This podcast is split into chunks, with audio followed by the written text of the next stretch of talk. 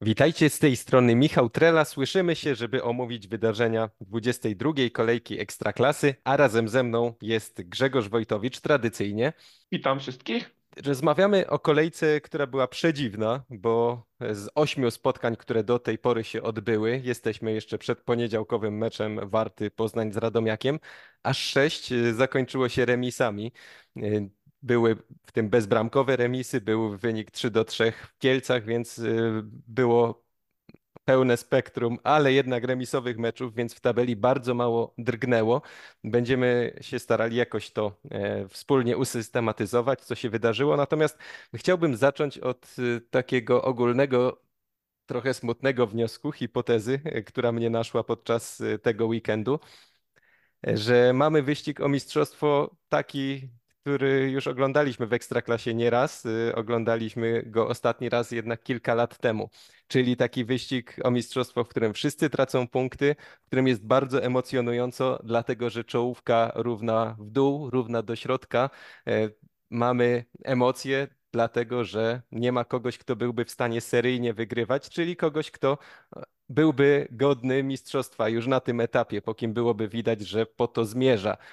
Te trzy ostatnie sezony trochę zmieniły tę szaloną ligę, przynajmniej jeśli chodzi o czołówkę, bo mieliśmy Legię Czesława Michniewicza, która pewnie sięgnęła po mistrzostwo. Były różne mistrzostwa Legii, ale to było, mm, to ostatnie było takie przekonujące. Później było mistrzostwo Lecha, gdzie było na finiszu trochę nerwów z Rakowem Częstochowa, ale jednak od początku przez całą jesień i większość wiosny Lech szedł po mistrzostwo. Przed rokiem w podobny sposób szedł po mistrzostwo Raków. No a teraz zachwycamy się sześcioma zespołami bijącymi się o tytuł, ale czy nie jest tak, że to wszystko wynika właśnie z tego, że nie ma jednego silnego lidera, takiego naturalnego kandydata na mistrza i że właśnie to najlepiej było widać w tej kolejce, kiedy z czołowej szóstki wygrała tylko Pogoń Szczecin. Tak, bo w ogóle to się tak dziwnie okłada, że trudno w ogóle zbudować jakąkolwiek narrację, y, bo po prostu kiedy już się wydaje, że któraś z tych drużyn naprawdę złapała świetną formę, y, po prostu rozpływamy się w zachwytach nad jej grą, nagle ni stąd, ni zowąd przychodzi jakieś załamanie niezrozumiałe, straty punktów, nawet już biorąc y, te te, trzy kolejki w tym roku. No, po pierwszej pialiśmy z zachwytu nad Jagiellonią, a potem już było coraz gorzej. Potem wydawało się, że Lech Poznań to już może być ten Lech, który dojrzał do tego, żeby zacząć rozdawać karty w walce o Mistrzostwo Polski. No i y, przyszło, no nie mówię, że jakaś potężna wpadka, no ale na pewno remis ze Śląskiem u siebie został odebrany jako rozczarowanie. Y, Śląsk od początku y, po prostu generalnie zawodzi. Y, Legia Warszawa to samo, Raków też nie zachwyca. Na razie w tej chwili, jeśli mielibyśmy się trzymać, jeśli jakiś zespół mielibyśmy chwalić, to została Pogoń, która wywalczyła komplet punktów w trzech meczach. Dwóch na pewno w dwóch zagrała efektownie, ale też nie mam jakiegoś w tej chwili takiego absolutnego przekonania, nawet na podstawie tego ostatniego meczu z ŁKS-em, że ta pogoń y, za chwilę gdzieś tam się nie wywróci i nie straci głupio punktów. Y, tak więc y, po prostu mamy sześć drużyn, bo załóżmy, że Raków jeszcze dołączy, on tak leciuteńko odstaje, no ale ma jeszcze ten mecz zaległy w Kielcach i naprawdę na dzisiaj y, nie potrafimy wskazać, nawet ciężko w ogóle wytypować, kto y, tę ligę wygra. Na razie jeszcze to wszystko jest takie trochę w powijakach. Oczywiście z punktu widzenia neutralnego kibica jest to dość efektowne. Natomiast y, no, troszkę też szkoda, że, że nie ma jakiejś takiej drużyny, że żadna z tych drużyn nie potrafi ustabilizować formy na wysokim poziomie i, i to wszystko jest takie rwane, szarpane, no bo, no bo chcielibyśmy, żeby ten zespół, który jak już zdobędzie Mistrzostwa Polski, żeby to było takie mistrzostwo, przy którym nie będziemy stawiać żadnych tam gwiazdek czy znaków zapytania, że a, zdobyli mistrza, a tak naprawdę to, to, to słabością innych czy szczęściem swoim. Tak, e, Jagiellonia jest w tej chwili liderem nadal, ale e, od momentu, gdy wskoczyła na pozycję lidera, zdobyła jeden punkt w dwóch meczach u siebie.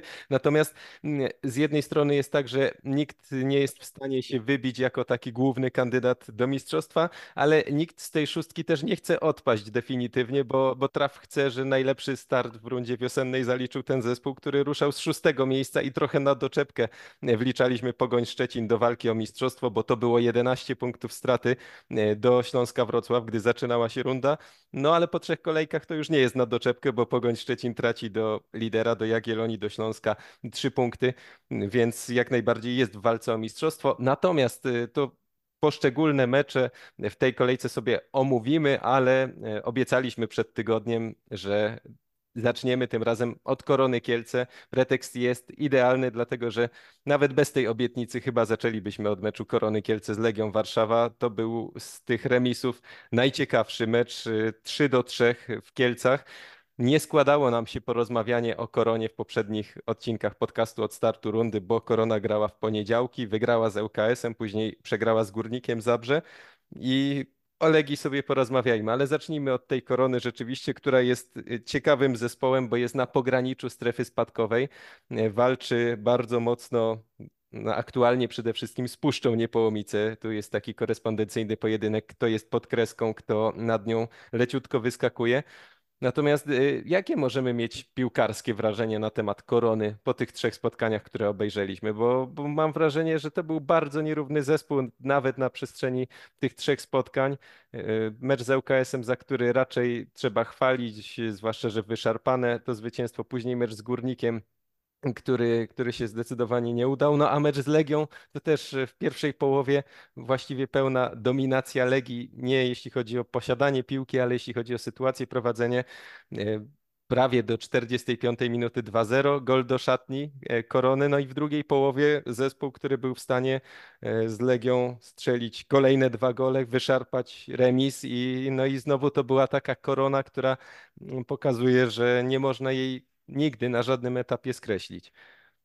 No ty tutaj oceniałeś koronę na podstawie jak gdyby jej dyspozycji w trzech meczach. Ja, ja, ja natomiast mam wrażenie, że e, te słowa można y, przenieść na koronę w każdym konkretnym meczu, czyli że korona po prostu w każdym z tych trzech meczów miała właśnie takie momenty, że, że grała fajnie, efektownie, a grała też źle, robiła, popełniała szkolne błędy, była słaba i, i, i tak wydawało się, że to nic dobrego z tej drużyny nie będzie. Także na razie jakimś takim wspólnym mianownikiem, jeśli chodzi o koronę, to jest taka e, no, nieprzewidywalność. Po prostu są chwile, że Korona naprawdę gra efektownie, są chwile, gdzie gra ba bardzo słabo. No, drugim takim jakimś y, elementem oceniającym grę Korony, to y, oceniając grę Korony, to można powiedzieć, że trochę wróciła ta Korona z poprzedniej wiosny, czyli taka Korona walcząca do ostatniego gwizdka, no bo y, nie zapominajmy, że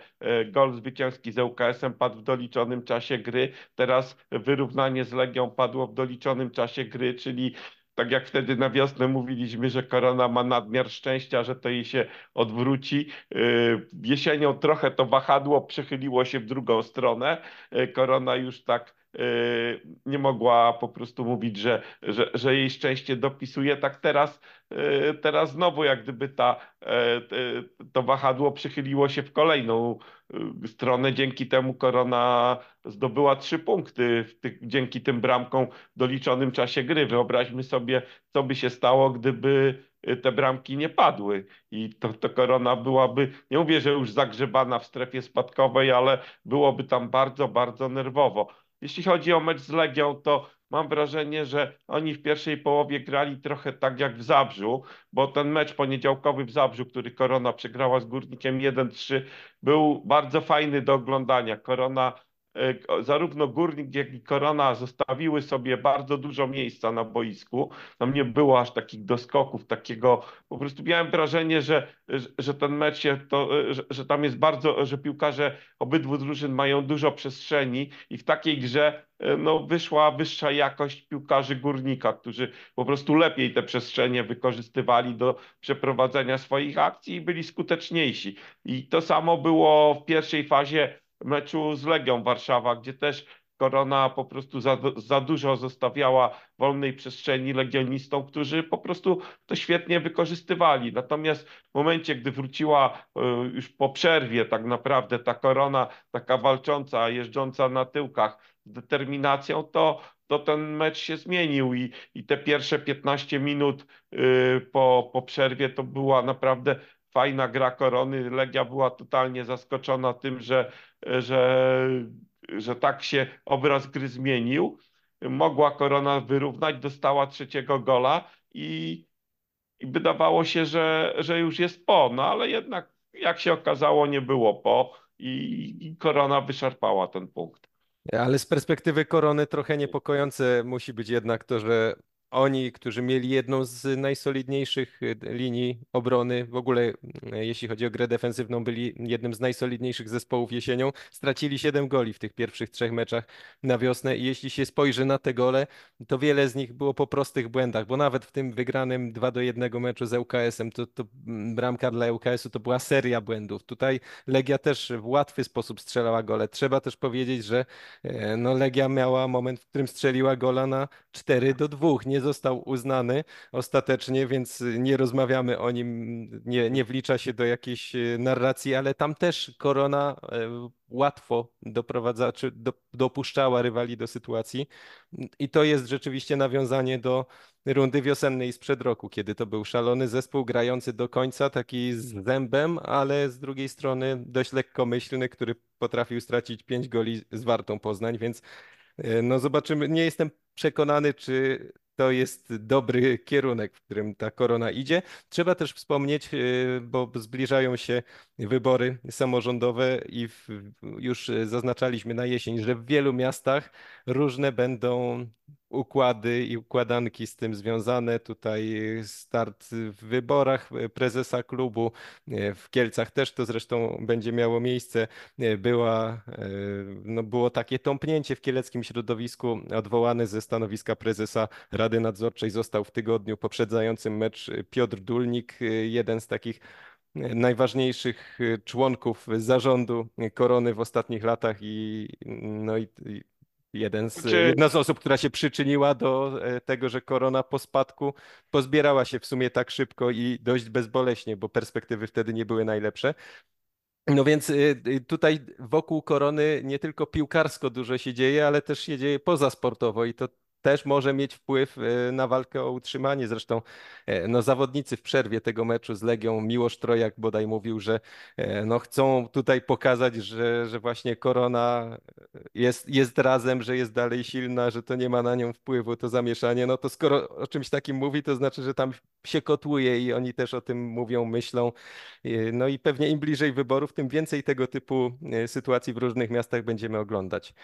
Znaczy no w miastach tych, których kluby są miejskie, a tak naprawdę to chyba w Ekstraklasie y, mamy tak naprawdę dwa takie klasyczne kluby, no y, Górnika i Koronę, no jeszcze Puszcza Niepołomice, no ale tam się nie zanosi na jakieś rewolucje personalne i, No ale i, też i raczej, wiesz, raczej trzeba na Wrocław, pa- trzeba na Wrocław No i Wrocław jeszcze, tak, jeszcze oczywiście Wrocław, to, to, to też, też absolutnie jest, jest klub typowo miejski, uzależniony od polityki. No tam ty wspomniałeś o, o tym y, właśnie, y, o tej osobie odwołanej, panu Piotrze Dulniku, który był przewodniczącym Rady Nadzorczej. On był on jest właścicielem firmy Suzuki, która po prostu jest głównym sponsorem Korony i także stadionu.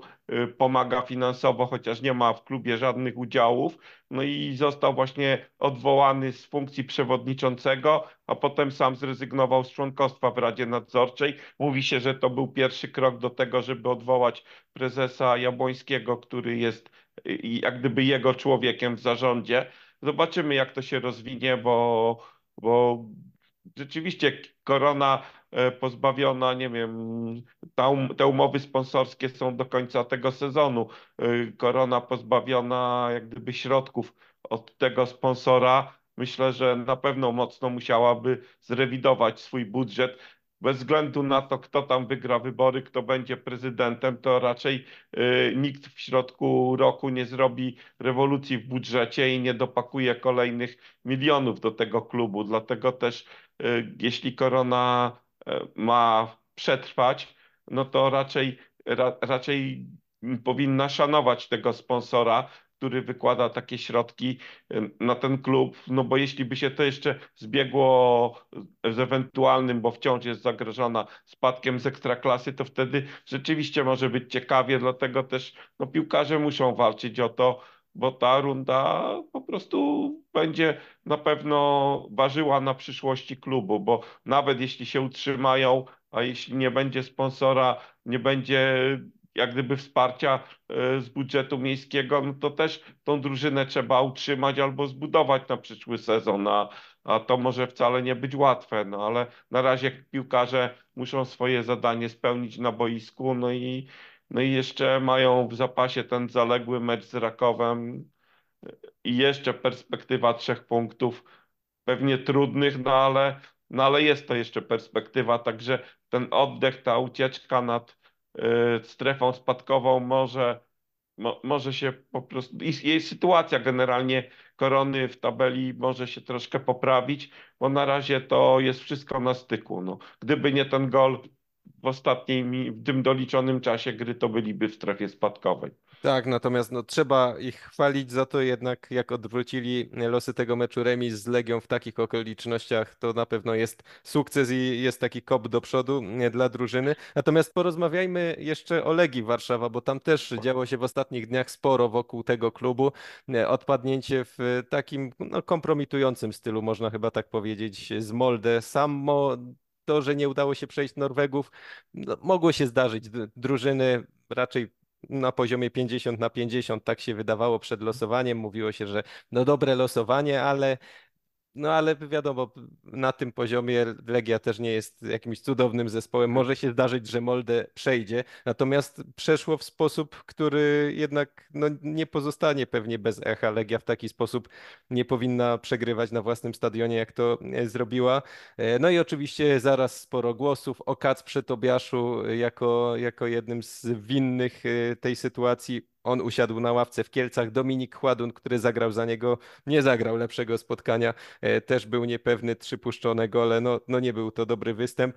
E, no zaczynają się dyskusje o Koście Runiajciu, czy, czy kontynuować z nim pracę, albo to tutaj takie co, co bardziej gorące głowy mówią, e, no albo co zrobić, jeśli nie zdobędzie mistrzostwa, co zrobić, jeśli nie awansuje do pucharów, więc tutaj zaczyna się od razu robić ciepło wokół Legii. No i wydaje wydawało się, że pojechali do Kielc w taki sposób, żeby wysłać sygnał, że wszyscy zagrali pod nich, że oni pewnie wygrają z tą koroną bez rozułe grali, ale, ale wszystko to się dobrze układało dla nich. No ale ta druga połowa pokazała, że problemów jest dalej sporo i no i Legia też będzie w bardzo trudnej sytuacji, gra już tylko na jednym froncie. No i oczekiwania w tych okolicznościach, kiedy mają tylko wciąż 5 punktów straty, są takie, że Legia po prostu zdobędzie mistrzostwo, że to będzie coś, co uratuje ten sezon. Pytanie, czy oni zdradzają jakiekolwiek symptomy, że są w stanie to zrobić? Myślę, że dalej Legia się będzie jakoś w tej walce o mistrzostwo liczyć, bo mimo wszystko dalej ma niezły skład. No, będzie już zaangażowana rzeczywiście tylko y, w walkę o mistrzostwo. Nie będzie, wszystkie inne fronty zostały już zamknięte. Pięć punktów to jest wszystko jeszcze w zasięgu, nie wiem, jednej, dwóch kolejek i są mecze bezpośrednie z rywalami, więc wszystko można nadrobić. Natomiast no, dla mnie, ty mówiłeś, że w Legii jest mnóstwo problemów. Dla mnie największym problemem Legii w tym sezonie generalnie to jest defensywa, bo po prostu y, to jest formacja, która e, po prostu której brakuje totalnie stabilizacji personalnej. Tak można powiedzieć, że te składy tych trójek to trener losuje, jak wystawia. Y, nie ma tam żadnego lidera. Niektórzy piłkarze, którzy teraz grają, jak na przykład Pankow, Capaldi, są w tragicznej formie. No i generalnie po prostu bez solidnej defensywy, bez poprawy gry w defensywie nic się nie zmieni. Do tego nie dostaje Legia wsparcia ze strony bramkarzy, bo nawet jeśli te głosy krytyczne co do Kaspra Tobiasza były troszkę przesadzone, no to, to jednak to nie jest bramkarz, który y, jest wartością dodaną dla Legii. Powiedzmy, że on prezentuje się na poziomie tej defensywy. No Chładun skoczył dzisiaj do bramki w tym meczu z Koroną i też nie popisał się przy tym takim golu, może nawet i w pewnym sensie kluczowym dla losów meczu, bo to był gol y, do szatni w doliczonym czasie gry pierwszej połowy. Y, wiadomo, jak się schodzi prowadząc 2 do 0, a jakiego kopa dostaje grająca drużyna u siebie, która tuż przed zejściem do szatni łapie kontakt. I to potem było widać na boisku, więc, więc, więc to jest według mnie taki naj, największy problem. No i jeszcze no generalnie no Legia się osłabiła latem. Znaczy zimą, w styczniu oczywiście, i to poważnie się osłabiła, nie załatała dziur.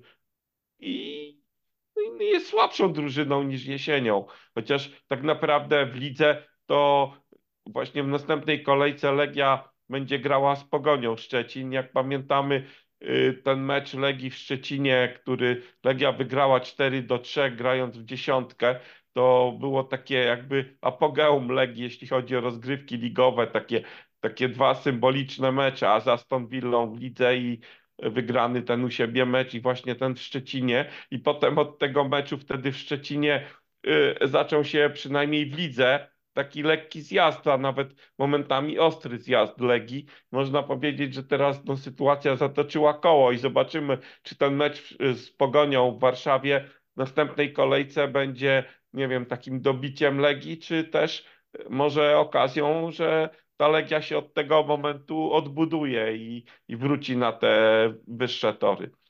Tak, na pewno y, hitem tej kolejki miał być mecz y, Lecha y, ze Śląskiem Wrocław. To jest akurat świetne w tej rundzie wiosennej, w tym, że gra tak wiele zespołów o Mistrzostwo Polski, że na razie w każdej kolejce mamy jakieś bezpośrednie starcie w tej szóstce. W tej kolejce to był mecz Lech Śląsk. Za tydzień, tak jak wspominasz, będzie Legia grała z Pogonią.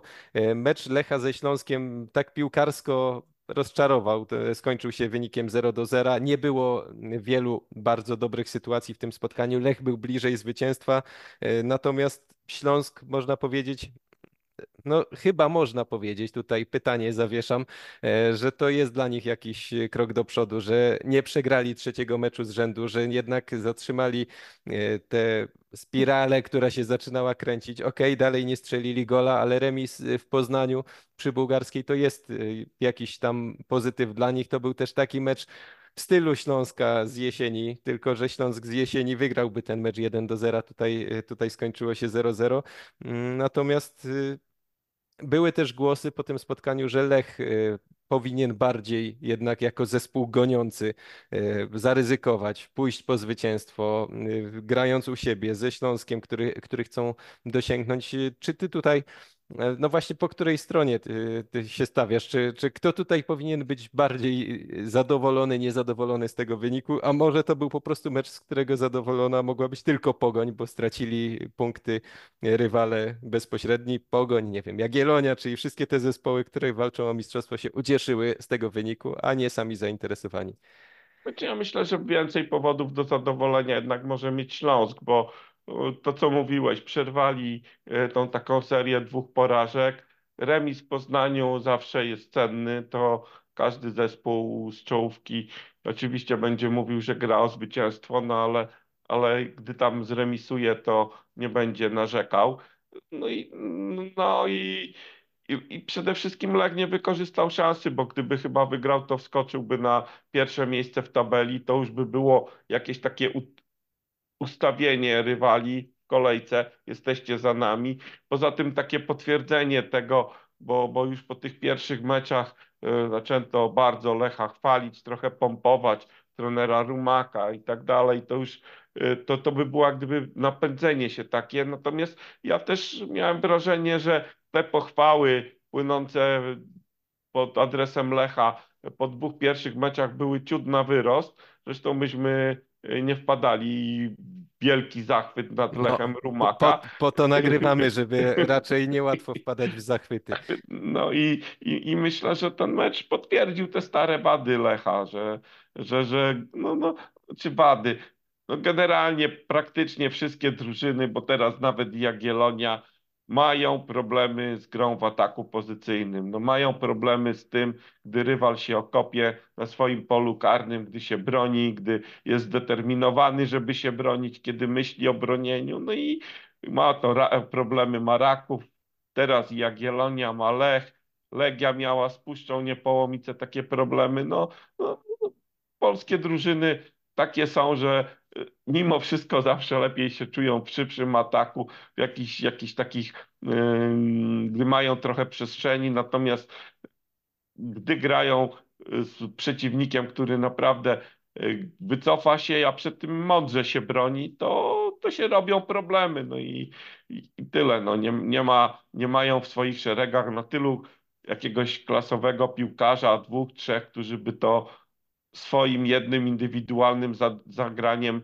y, y, sprawili, że, że się uda zdobyć bramkę, czy stworzyć sytuację bramkową, y, taką, którą się wykorzysta. No jeśli nikt czegoś takiego ekstra nie jest w stanie zrobić, no to samym klepaniem piłki, próbowaniem rozgrywania poprzek, wzdłuż, wszerz, dośrodkowaniami tego się nie zrobi. No i, no i tak, tak te mecze często wyglądają właśnie, że się y, drużyny, które grają u siebie i są faworytami, męczą, męczą, męczą, czasami coś wpadnie, czasami ktoś tam się z rywali potknie, y, gdzieś tam wymusi się błąd, a, a gdy tak się nie stanie, no to no to się kończy to wynikiem 0 do 0 albo jakąś porażką po kontrataku. Bardzo, bardzo sprytnie omawiając mecz Lech Śląsk omówiłeś za jednym zamachem spotkanie Stali Mielec z Rakowem Częstochowa, bo wszystko to, co powiedziałeś, da się przypisać do Rakowa. Byłbym za tym, żeby e, skoro mecz Lecha ze Śląskiem był trochę bez historii, bezbramkowym remisem, który, z którego zgadzamy się, że bardziej zadowolony pewnie jest Śląsk, bo pokazał, żeby go jeszcze całkowicie nie grzebać, że zostały tam jeszcze jakieś e, cechy, które e, wyróżniały ten zespół. Jesienny jesienią Lech pokazał z kolei, żeby go jeszcze nie koronować, ale też niczego tym spotkaniem nie przegrał. Nie jest to jakiś e, wielki krok do tyłu, po prostu e, remis bezbramkowy w meczu na szczycie. E, tutaj był z dużej chmury mały deszcz, ale też trochę można było sobie zacierać ręce, że spotkanie Stali Mielec, która świetnie też weszła w rok z Rakowem Częstochowa, który wszedł w rok kiepsko, ale jednak wciąż jest Rakowem Częstochowa, mistrzem Polski, zespołem z bardzo silną kadrą, że to może być dobry, ciekawy mecz. E, ja przygotowując się do tego meczu, który e, komentowałem, no dopiero na pewne rzeczy niby są oczywiste, ale, ale dopiero sobie uświadomiłem e, jak źle w sumie jest z Rakowem, jeśli chodzi o y, wyjazdy, jeśli chodzi o regularność, bo, bo oczywiście mówimy, że ten zespół zawodzi, ale przedzielał to jesienią meczami w pucharach, y, w Europie, w Pucharze Polski i, i nie wszystko było jaskrawie widać. No ale jak sobie uświadomiłem, że ostatnia wygrana Rakowa na wyjeździe to jest 8 października y, z Legią Warszawa, jeśli chodzi o mecze Ekstraklasy, no to, to jest bardzo dawno, jeśli mówimy o Rakowie Częstochowa. Dwa wygrane mecze z rzędu w lidze Raków ostatni raz zanotował we wrześniu. To były mecze u siebie z Puszczą i ŁKS-em. Też nierewelacyjne zresztą. E, w związku z tym no naprawdę y, zacząłem widzieć dużo powodów, żeby w Rakowie było nerwowo. To nie są standardy, do których e, przyzwyczaił się y, Michał Świerczewski jako właściciel. Mówiło się często o tym, jaką on cierpliwość wykazywał wobec Marka Papszuna, ale wydaje mi się, że to akurat cierpliwość to nie była cecha, którą szczególnie nadwyrężał Marek Papszun, bo on po prostu nie wpadał w kryzysy. E, on nie miewał jakichś dłuższych dołków i raczej po prostu sezon w sezon mniej więcej osiągał takie wyniki, jakie, jakich oczekiwano. No nie zawsze, nie co roku robił awans, nie co roku robił mistrzostwo, ale nie było jakichś takich tak dłuższych faz marazmu w Rakowie, a dłuższa faza marazmu w Rakowie trwa i ten mecz się moim zdaniem w nią wpisał znakomicie, czyli pokazał, że zeszłotygodniowa wymęczona wygrana z Piastem to była po prostu wymęczona wygrana, nie żaden przełom, nie żaden mit założycielski, coś co e, sprawi, że drużyna się teraz odblokuje. Nie, oni rozegrali kolejny taki mecz, gdzie mieli jałowe posiadanie piłki, próbowali coś zrobić ze stałych fragmentów gry, ale w sumie jakby spojrzeć, ile z tego było sytuacji, to nie za wiele. Chociaż Mateusza Kochalskiego i tak wybraliśmy zawodnikiem meczu, ale no ale No, też miewał mecze, kiedy teraz właśnie widzę, jak nagrywamy ten program, że trafił też do jedenastki kolejki. Tak, no No, okej, okej. Natomiast i tak będę się upierał, że Kochalski miewał w tym sezonie mecze, w których z bardziej beznadziejnych sytuacji wyciągał Stal Mielec. Chodzi mi o to, że narasta we mnie takie rozczarowanie Rakowem Często, Częstochowa i coraz mniej jest y, powodów, y, takich wytłumaczeń, które mogę y, stosować. W tym meczu też było wiele problemów kadrowych. Gustaw Berggren wchodzący do linii obrony kończyli ten mecz w sumie bez y, typowego defensywnego pomocnika. No ale, ale mimo wszystko to cały czas jest jeden z y, takich składów, y, który, który nawet osłabiony, no, wydaje się, że na papierze powinien się bić o Mistrzostwo Polski. No i ja mam rzeczywiście narastające poczucie, że mecz z tego przyszłego tygodnia w Pucharze Polski z Piastem Gliwice może mieć bardzo duże znaczenie. No, także może nawet dla przyszłości trenera Szwargi, bo trudno będzie w tej sytuacji przełknąć e, właścicielowi, nie wiem, odpadnięcie teraz z Piastem Gliwice, co nie jest przecież takie wykluczone. No ja o, o, o, o tak troszkę obawy o losy trenera Szwargi wyrażałem po pierwszej kolejce. No pamiętam, tej- pamiętam. I, i, i tak wiesz, wtedy, wtedy troszkę yy, uważałeś, że to pewnie jest przedwczesne, no pewnie może i było, no ale kolejne mecze trochę potwierdziły to, co mówisz.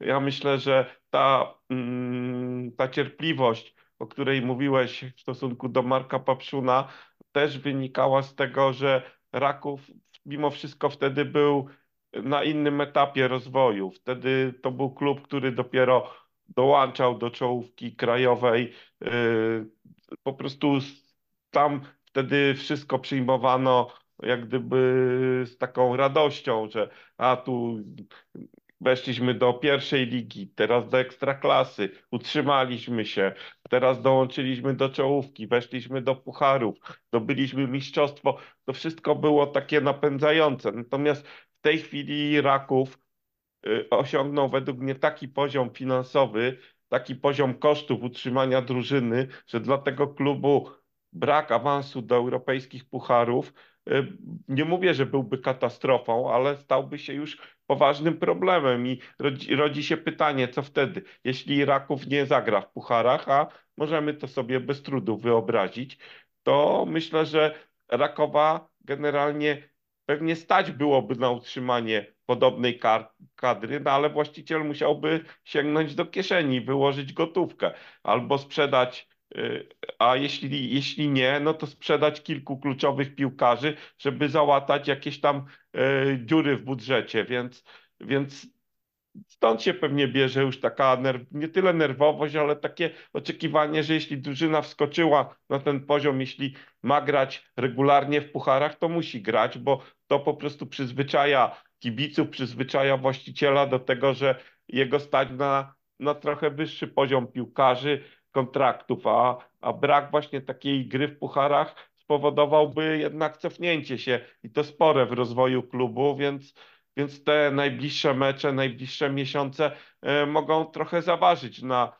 najbliższej przyszłości Rakowa i, i stąd pewnie taka nerwowość. I myślę, że e, na pewno nie będzie tu takiej cierpliwości, jaka była stosunku do Marka Papszuna, o którym też, jak słusznie wspomniałeś, yy, nie było też za wielu powodów, żeby tracić do niego cierpliwość, bo on jednak e, prowadził ten klub cały czas do przodu. No a teraz po jego odejściu troszkę to zostało wyhamowane. Tak, e, no Marek Papszun po prostu wyznaczał standardy, którymi teraz mierzony jest Dawid Szwarga i, i, i to jakby wyznaczanie standardów jest zawsze trochę łatwiejsze niż e, później mierzenie się z nimi także w różnych trudnych okolicznościach, więc no, będziemy na Raków na pewno patrzeć, bo to jest mocna, e, no to może być mocna historia, to co się tam będzie działo. Jeśli Dawid Szparga wyjdzie z tych tarapatów, no to to będzie taki no takie jego postawienie też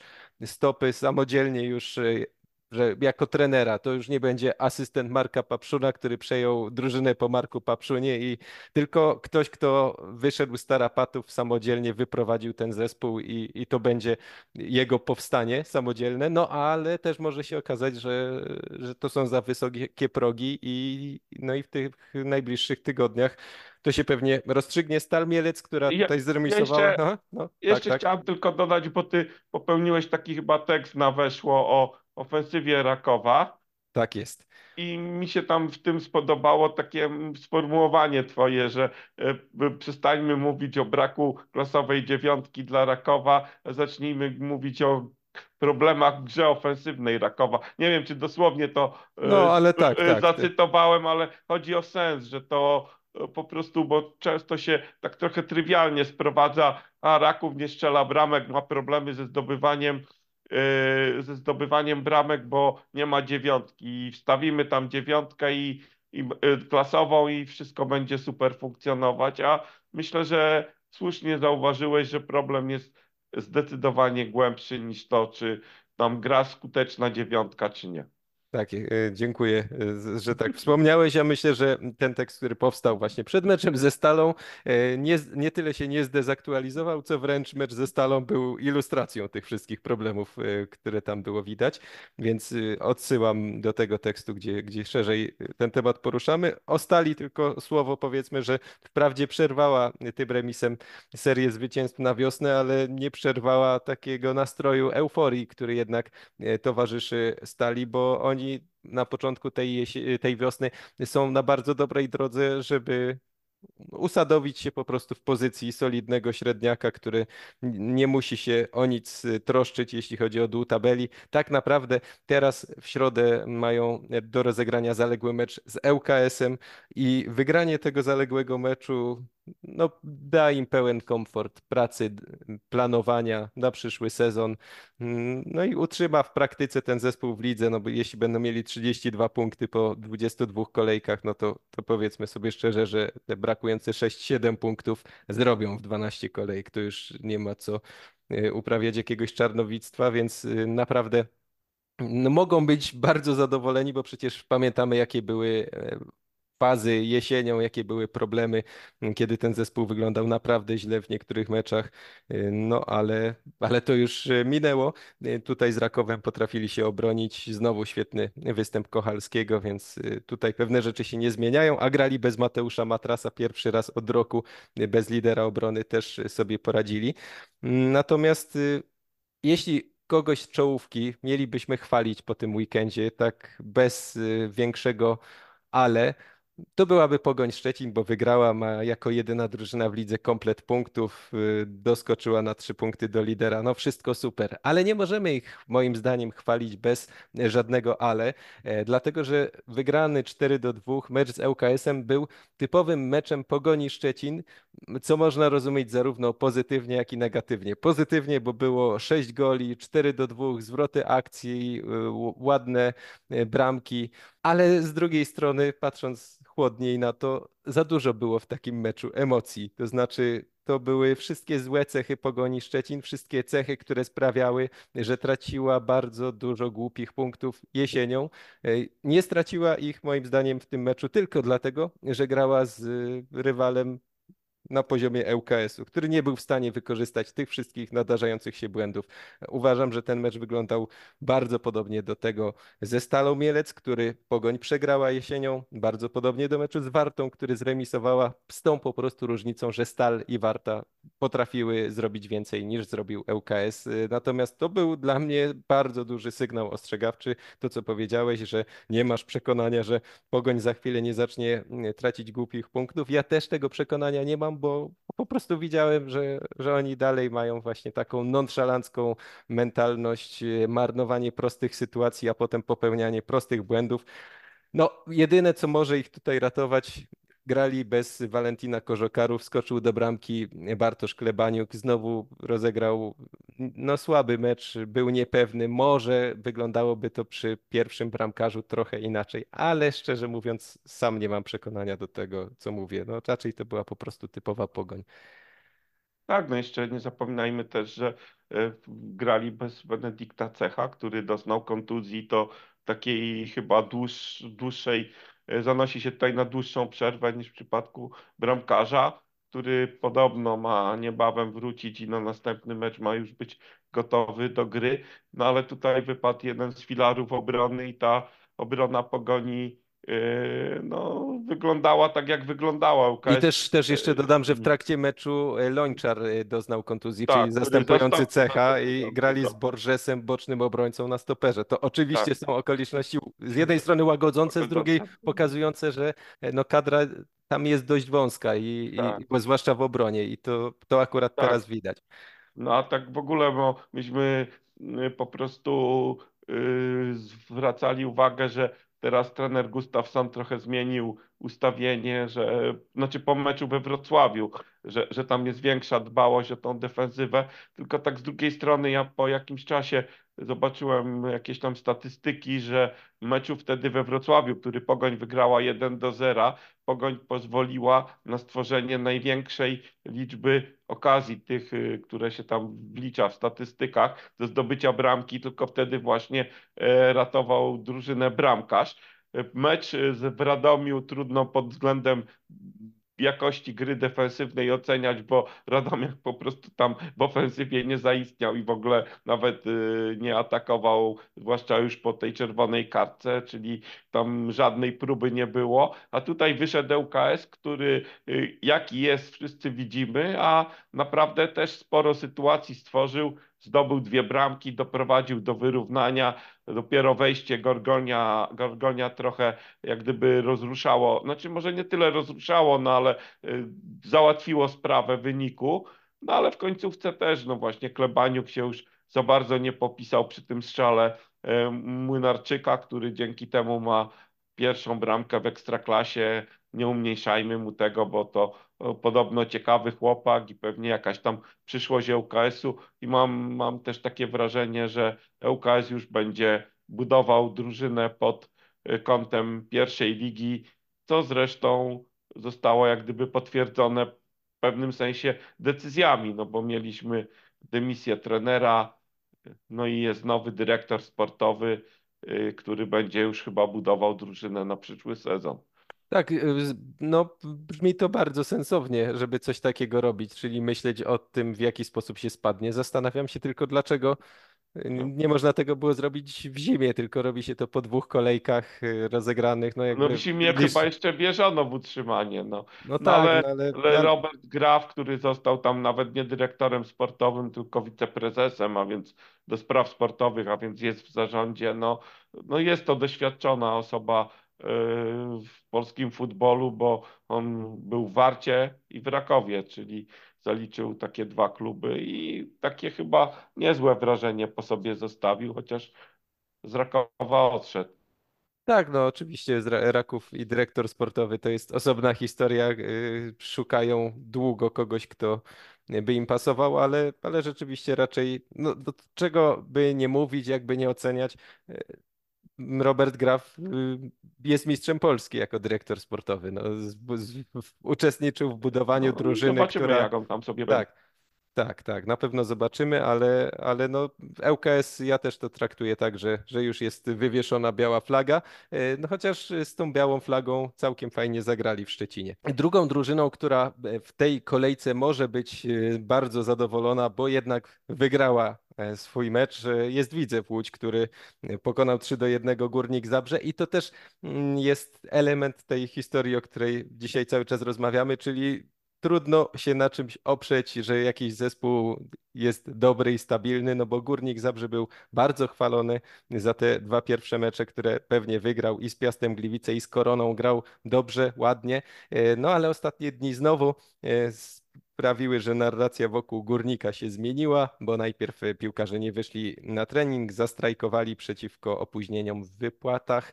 E, No a później przegrali z Widzewem 1 do 3, więc y, też trudno mówić o Górniku już jako o takim zespole, który fantastycznie wystartował e, do rundy wiosennej. Natomiast też trzeba powiedzieć, że dla Widzewa to było arcyważne zwycięstwo, bo to było kolejne, drugie z rzędu przełamanie. E, Wygrali po czterech porażkach z rzędu derby z ŁKS-em przed tygodniem, natomiast też e, po kilku porażkach z rzędu wygrali na własnym stadionie, zatrzymali tę serię, która zaczynała niebezpiecznie przypominać te wiosenne e, z zeszłego roku problemy z graniem na własnym stadionie.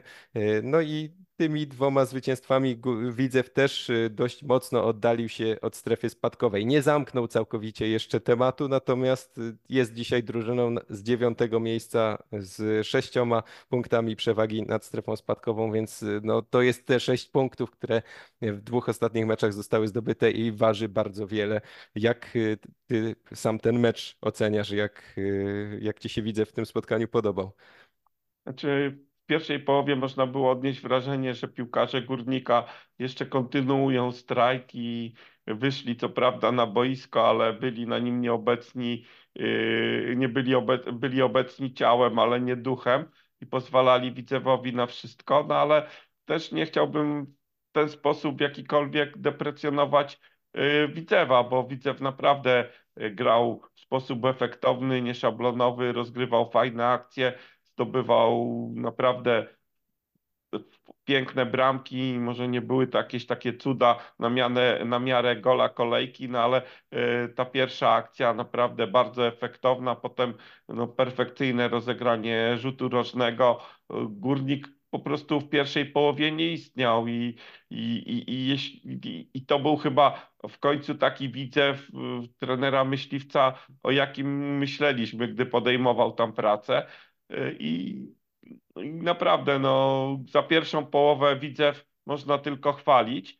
Y, Wydawało mi się, że Górnik już y, zszedł do szatni na przerwę pogodzony z porażką, że nic się tam już nie będzie w stanie zmienić, a jednak coś tam trener Jan Urban zdziałał w tej szatni, trafił jakoś jeszcze do piłkarzy, dość szybko kontaktowy gol i, i były okazje nawet, żeby to wyrównać. Yy, Rafał Gikiewicz w końcu musiał się w polskiej lidze wykazać jakąś tam interwencją ponadprzeciętną, uratował na pewno widzę w jednej sytuacji. Yy, No i taki ten mecz był można powiedzieć, nie powiem, że do ostatnich minut otwarty, bo e, Janicki tam w końcówce wyleciał, dostał drugą żółtą kartkę i, i Górnik kończył w dziesiątkę, no ale tak naprawdę mecz się rozstrzygnął tak już definitywnie w doliczonym czasie gry. No, cały czas jeszcze ten Górnik, było jakieś tam zagrożenie, że ten Górnik może doprowadzić do wyrównania, ale, ale no, Widzew już w drugiej połowie nie grał aż tak efektownie, ale mimo wszystko w miarę kontrolował ten mecz, odniósł absolutnie zasłużone zwycięstwo i tak jak mówiłeś, no ten tydzień wygrane derby, wygrana z Górnikiem sprawiły, że w Łodzi tak trochę podobnie jak i w Mielcu już mogą spokojnie patrzeć na przyszłość i na tą końcówkę, znaczy końcówkę, no na dalszą część e, tej rundy, tego sezonu. No i tak już też e, no po prostu myśleć o tym i patrzeć na to, co jest przed nimi, niż nerwowo oglądać się, kto tam ich goni z Tak, no, no ja mam poczucie, że to jest e, bardzo ważny tydzień dla e, losów całego tego projektu. Widzewa z Danielem Myśliwcem, bo z jednej strony po tym, co o nim się mówiło w środowisku, co o nim można było przeczytać, co on sam mówił e, i co zrobił w Stali Rzeszów, no mam poczucie, że to może być ktoś, kto może nauczyć zespół grania w piłkę dobrze, ładnie, atrakcyjnie, ofensywnie. Tylko jest jeden warunek, żeby w, w, na samym początku e, tego procesu, kiedy zawodnicy jeszcze się tego uczą, żeby on w trakcie tego nie spadł z ligi. No i zaczynało się pojawiać takie zagrożenie w pewnym momencie i oni to zagrożenie odsunęli. E, To daje szansę spokojniejszego pracowania po prostu nad tym, jak oni chcą grać, że to, to granie w środku tabeli akurat e, dla e, takiego trenera na tym etapie, kiedy on no, jest w trakcie pierwszego sezonu w Widzewie, no może być bardzo pomocne, żeby coś sobie przygotować. Przypominam sobie, może to nie będzie najfajniejszy przykład, ale Wisła Płock y, Pawola Stanio jeszcze zanim spadła z ligi, no to była rewelacją rundy jesiennej. Y, No a, a Pawol Staniał gdzieś właśnie w trakcie poprzedniej rundy wiosennej, kiedy ta Wisła Płock była w środku tabeli i o nic nie grała, przygotowywał sobie podwaliny pod ten bardzo udany start. Były tam mecze, w których oni ryzykowali dużo, tracili gole, ale, ale widać było, że to był jakiś proces, który doprowadził do dobrego mm, startu kolejnego sezonu. Oczywiście nie chcę tutaj mówić, że Widzew teraz nad tym pracuje, ale e, dzięki tym dwóm zwycięstwom Widzew zyskał komfort planowania w trochę dłuższym terminie, a nie patrzenia tylko na to, jak wygrać najbliższy mecz, bo opuszczanie połomice goni. I, i tutaj, tutaj to są bardzo, bardzo ważne e, zwycięstwa. E, natomiast y, zostały nam do omówienia Znaczy trzy... jeszcze, tak? jeszcze o jednym y, aspekcie, jeśli chodzi o Mhm. Widzew, to chciałbym jeszcze dołożyć, że owszem, oni można powiedzieć, że mogą już mieć bezpieczny sezon, natomiast mają jeszcze takie jedno wyzwanie, bo w środę grają Puchar Polski z bardzo słabą Wisłą Kraków na wyjeździe, mogą awansować do półfinału i ten sezon, gdy w lidze jest już w miarę spokojnie i jeszcze taka koncentracja potem na Pucharze Polski, no może doprowadzić do tego, że, że ta drużyna zazna smak takiej walki o jakieś trofeum, więc i kibice, którzy na pewno też są stęsknieni tej walki o trofeum, bo, bo widzę dawno już o jakieś trofeum nie walczył, więc, więc jeszcze powiedzmy ten tydzień był bardzo udany, ale on dla Widzewa będzie idealny, jeśli to ten tryptyk tych meczów domkną zwycięstwem w środę w Krakowie i zameldują się w półfinale Pucharu Polski, no bo to są potem już dwa mecze od Pucharu Polski, No, także no właśnie, wiem, że nie jesteś zwolennikiem długiego grania w Pucharze Polski. Jeśli nie masz realnych Tak. perspektyw, że go zdobędziesz, to znaczy, że widzę w twoim zdaniem ma realne perspektywy, że Znaczy, no, no, no ma teoretycznie najłatwiejsze zadanie w ćwierćfinale, bo gra z pierwszoligową drużyną słabą. No i jest w półfinale. Na pół, z półfinału to już, już można, można marzyć po prostu No, o, o no, to czymś. jest Nie, na, no, na pewno słuszna uwaga, no, który, wylosujesz sprawia, że... kogoś, wylosujesz kogoś u siebie w półfinale, a potem masz finał. Tak, no Także, no znaczy, nie, no ja nie mówię, że Widzew jest faworytem, natomiast mówię, że się w przypadku zwycięstwa z Wisłą otworzy im jeszcze taki dodatkowy element w tym sezonie, czyli jakaś tam walka o nawet o trofeum. O, tak to tak, ujmę. Tak jest. Y, Natomiast przechodząc Która do... Aha. w budowaniu drużyny może być bardzo cenna. O. Tak, jak najbardziej. E, Zostały nam trzy mecze, y, które się zakończyły remisami e, 0-0, 1-1 i 2-2, więc chciałbym, żebyśmy porozmawiali najpierw o tym, który przyniósł najwięcej emocji, czyli starcie Puszczy Niepołomice z Zagłębiem Lubin.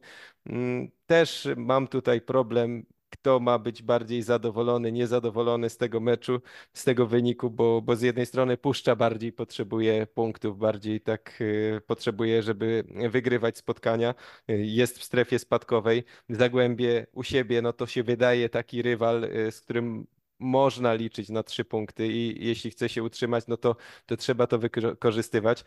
Ale z drugiej Zagłębie było lepsze w tym meczu i, i to ono powinno sobie pluć w brodę, że będąc lepsze, no zaprosiło Puszczę jeszcze raz do tego, żeby e, wyrównała, bo tutaj się zaczęło od 1-0 dla Puszczy, ale Zagłębie szybko odwróciło losy meczu, już do przerwy było 2 do 1 i wydawało się, że nic prostszego. Teraz e, oddać piłkę Puszczy, Puszcza się będzie musiała męczyć w atakach pozycyjnych, skontrować Puszczę, strzelić jej gola na 3 do 1 i, i cieszyć się z przełamania. No ale to, to nie było takie proste, E, więc y, no może, może ty pomożesz, kto tutaj e, Znaczy, powinien ja się cieszyć. tak, ja myślę, że mimo wszystko więcej powodów do zadowolenia ma e, Zagłębie i też takie odniosłem wrażenie, słuchając wypowiedzi trenerów, to znaczy asystenta trenera Tomasza Fornalika, bo Waldemar Fornalik nie przyszedł na konferencję, bo w ogóle mecz oglądał z trybun, gdyż we wcześniejszym spotkaniu z Krakowią dostał czerwoną kartkę,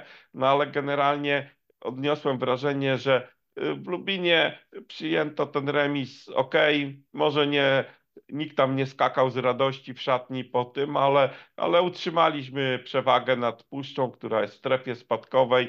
Swoje punkty do utrzymania jeszcze zrobimy, bo ja myślę, że w tej chwili w, Zagłębiu już jakichś poważniejszych ambicji nie ma yy, niż to, żeby się spokojnie utrzymać i jak najszybciej oddalić od strefy spadkowej. Natomiast trener Tułacz był trochę zawiedziony tym. On powiedział, że no, no, takimi wynikami my się w ekstraklasie nie utrzymamy.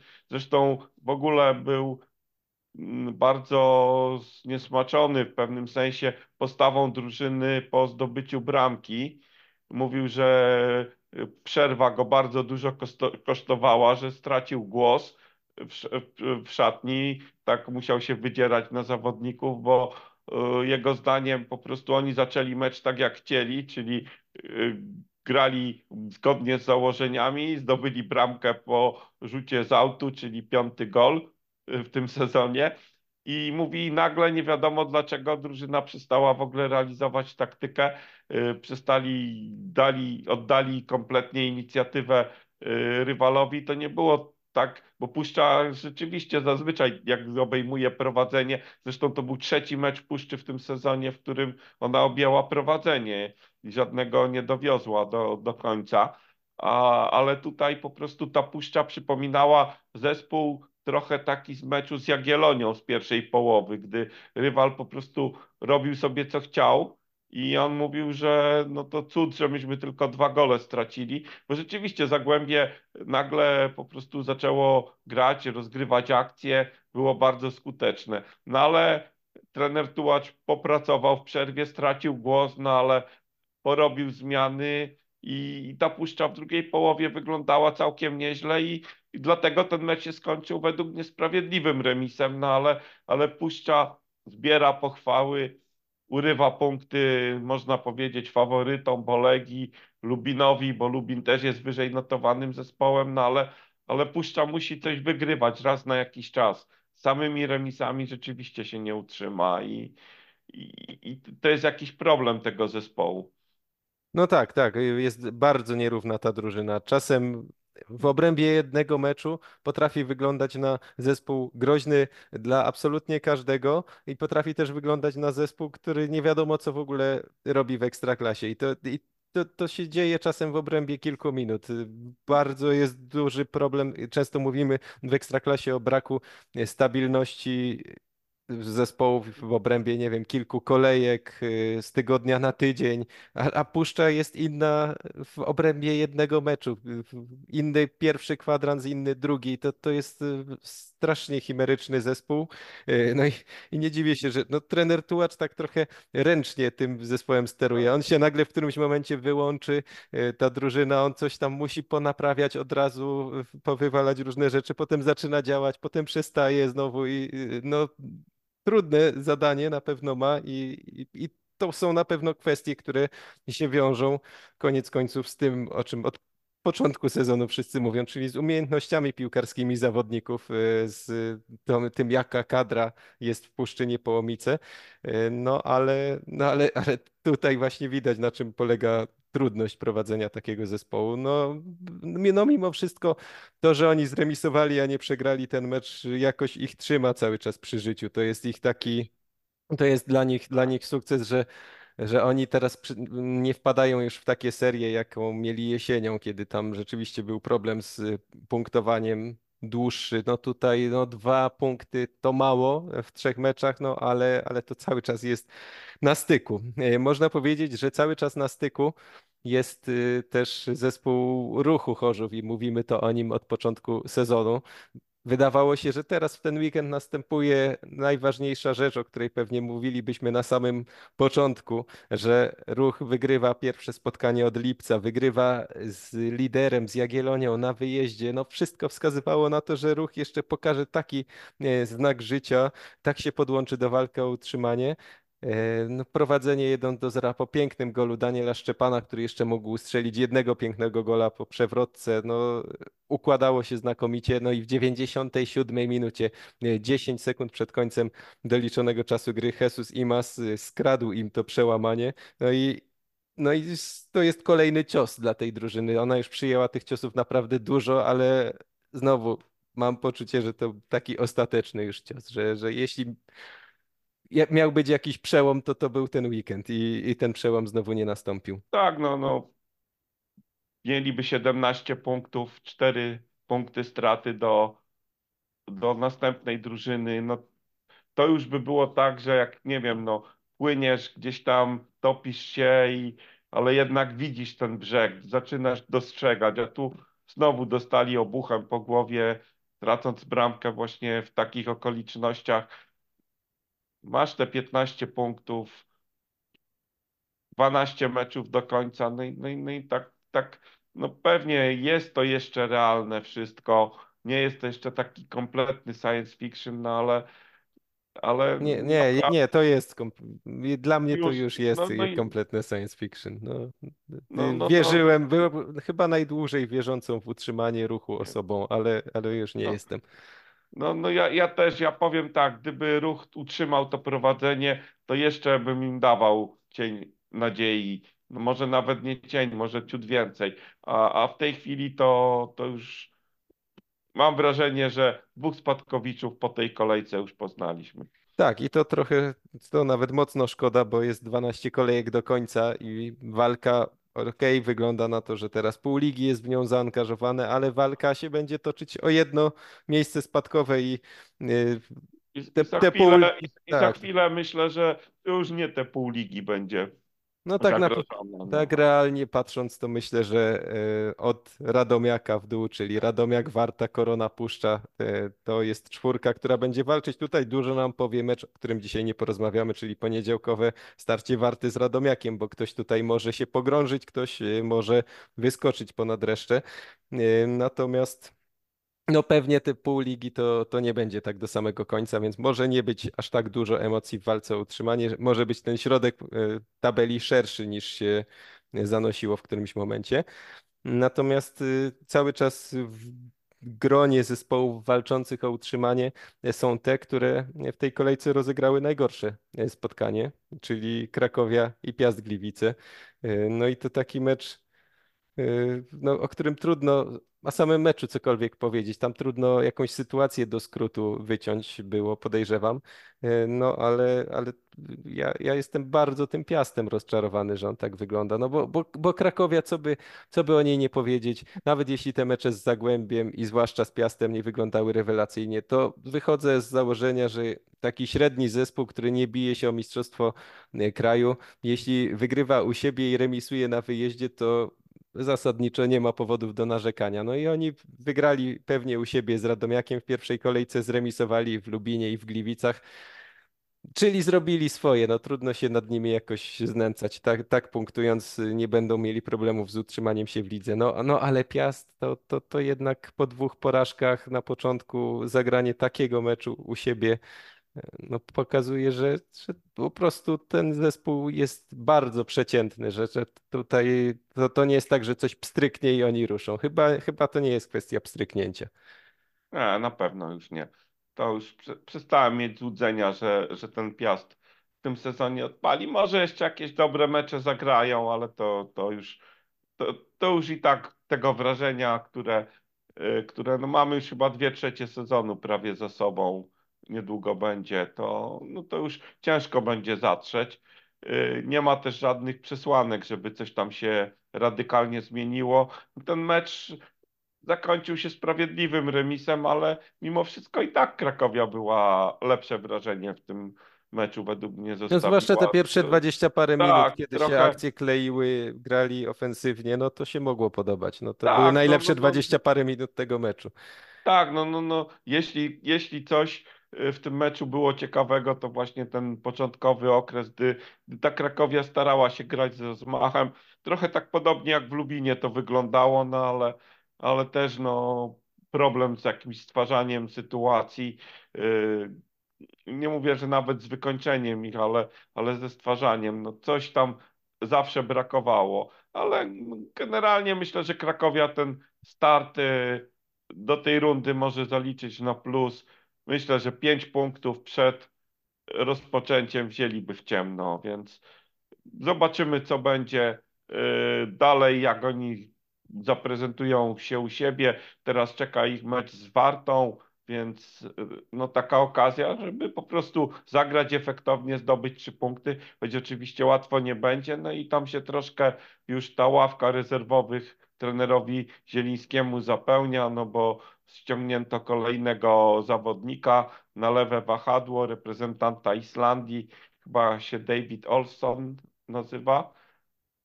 Tak, pierwszy Islandczyk w historii Tak, Krakowi. pierwszy Islandczyk. Dzisiaj ten transfer został już, znaczy dzisiaj w niedzielę został po, potwierdzony, więc, więc no już trener Zieliński będzie miał tam chyba troszkę wię- więcej manewru, pola manewru na, na ławce rezerwowych przy wyborze składu. Zobaczymy, jak to poukłada. No trochę szkoda, że, że te transfery takie są w trakcie, że nie miał tych ludzi na zgrupowaniu, że nie mógł e, po prostu wcześniej ich do tego zespołu wprowadzić. To będzie wszystko robione trochę w biegu.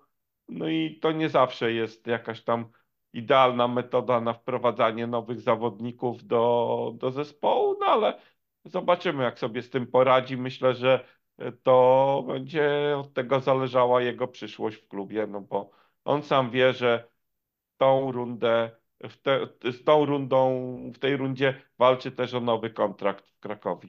Tak, y, Dawid Christian Olafsson y, nazywa Olafsson, się ten nowy, nowy zawodnik i widać, że Krakowia no, eksploruje nowo odkryty przez E, siebie rynek Tak, skandynawski. On się zrobił modny tak, bo oni, wszyscy trzej piłkarze to przyszli z lig szwedzkich i norweskich, także mimo, że jeden z nich jest Albańczykiem. Tak jest, y, to, to prawda. No, y, problem z remisami jest zawsze taki, że trudno się przy nich stawia jakieś e, mocne tezy, bo no zawsze to jest na dwoje babka wróżyła. No nawet jeśli grali źle, to zremisowali, nawet jeśli grali dobrze, to mają tylko jeden punkt, a że w tej kolejce mieliśmy sześć z ośmiu meczów e, zakończonych w ten sposób, to ta kolejka pozostawia nas trochę w zawieszeniu. Nie, nie wiemy, w którą stronę akcja e, tego sezonu Ekstraklasy się potoczy. E, Jest nam potrzebna następna kolejka do tego, bo wtedy będziemy już widzieć, że jakiś zespół po remisie sięgnął po zwycięstwo i wtedy to zacznie wyglądać zupełnie inaczej. Cztery punkty w dwóch meczach, e, ktoś po remisie e, i słabym wrażeniu przegra, no i to już będzie można połączyć w całość, więc e, wydaje mi się, że możemy dzisiaj po prostu zaprosić na kontynuację tego, tych naszych rozmów o Ekstraklasie po następnej kolejce. Mamy nadzieję, że po kolejce lepszej, ciekawszej, która coś nam więcej wyjaśni o tym, w którą stronę ten sezon będzie się toczył, bo tutaj niewiadomych na razie wciąż mamy bardzo dużo. E, No więc y, skoro omówiliśmy wszystkie spotkania, które dotąd się odbyły w tej kolejce, myślę, że pożegnamy się już. Razem ze mną był Grzegorz Wojtowicz. Dziękuję bardzo. Ja się nazywam Michał Trela i niezmiennie zachęcamy do tego, żeby e, kontaktować się z nami. Jeśli się podoba, to polecać nasz podcast, oceniać. To wszystko nam pomoże docierać do jak najszerszej grupy osób. Dziękujemy i słyszymy się za tydzień. Do usłyszenia.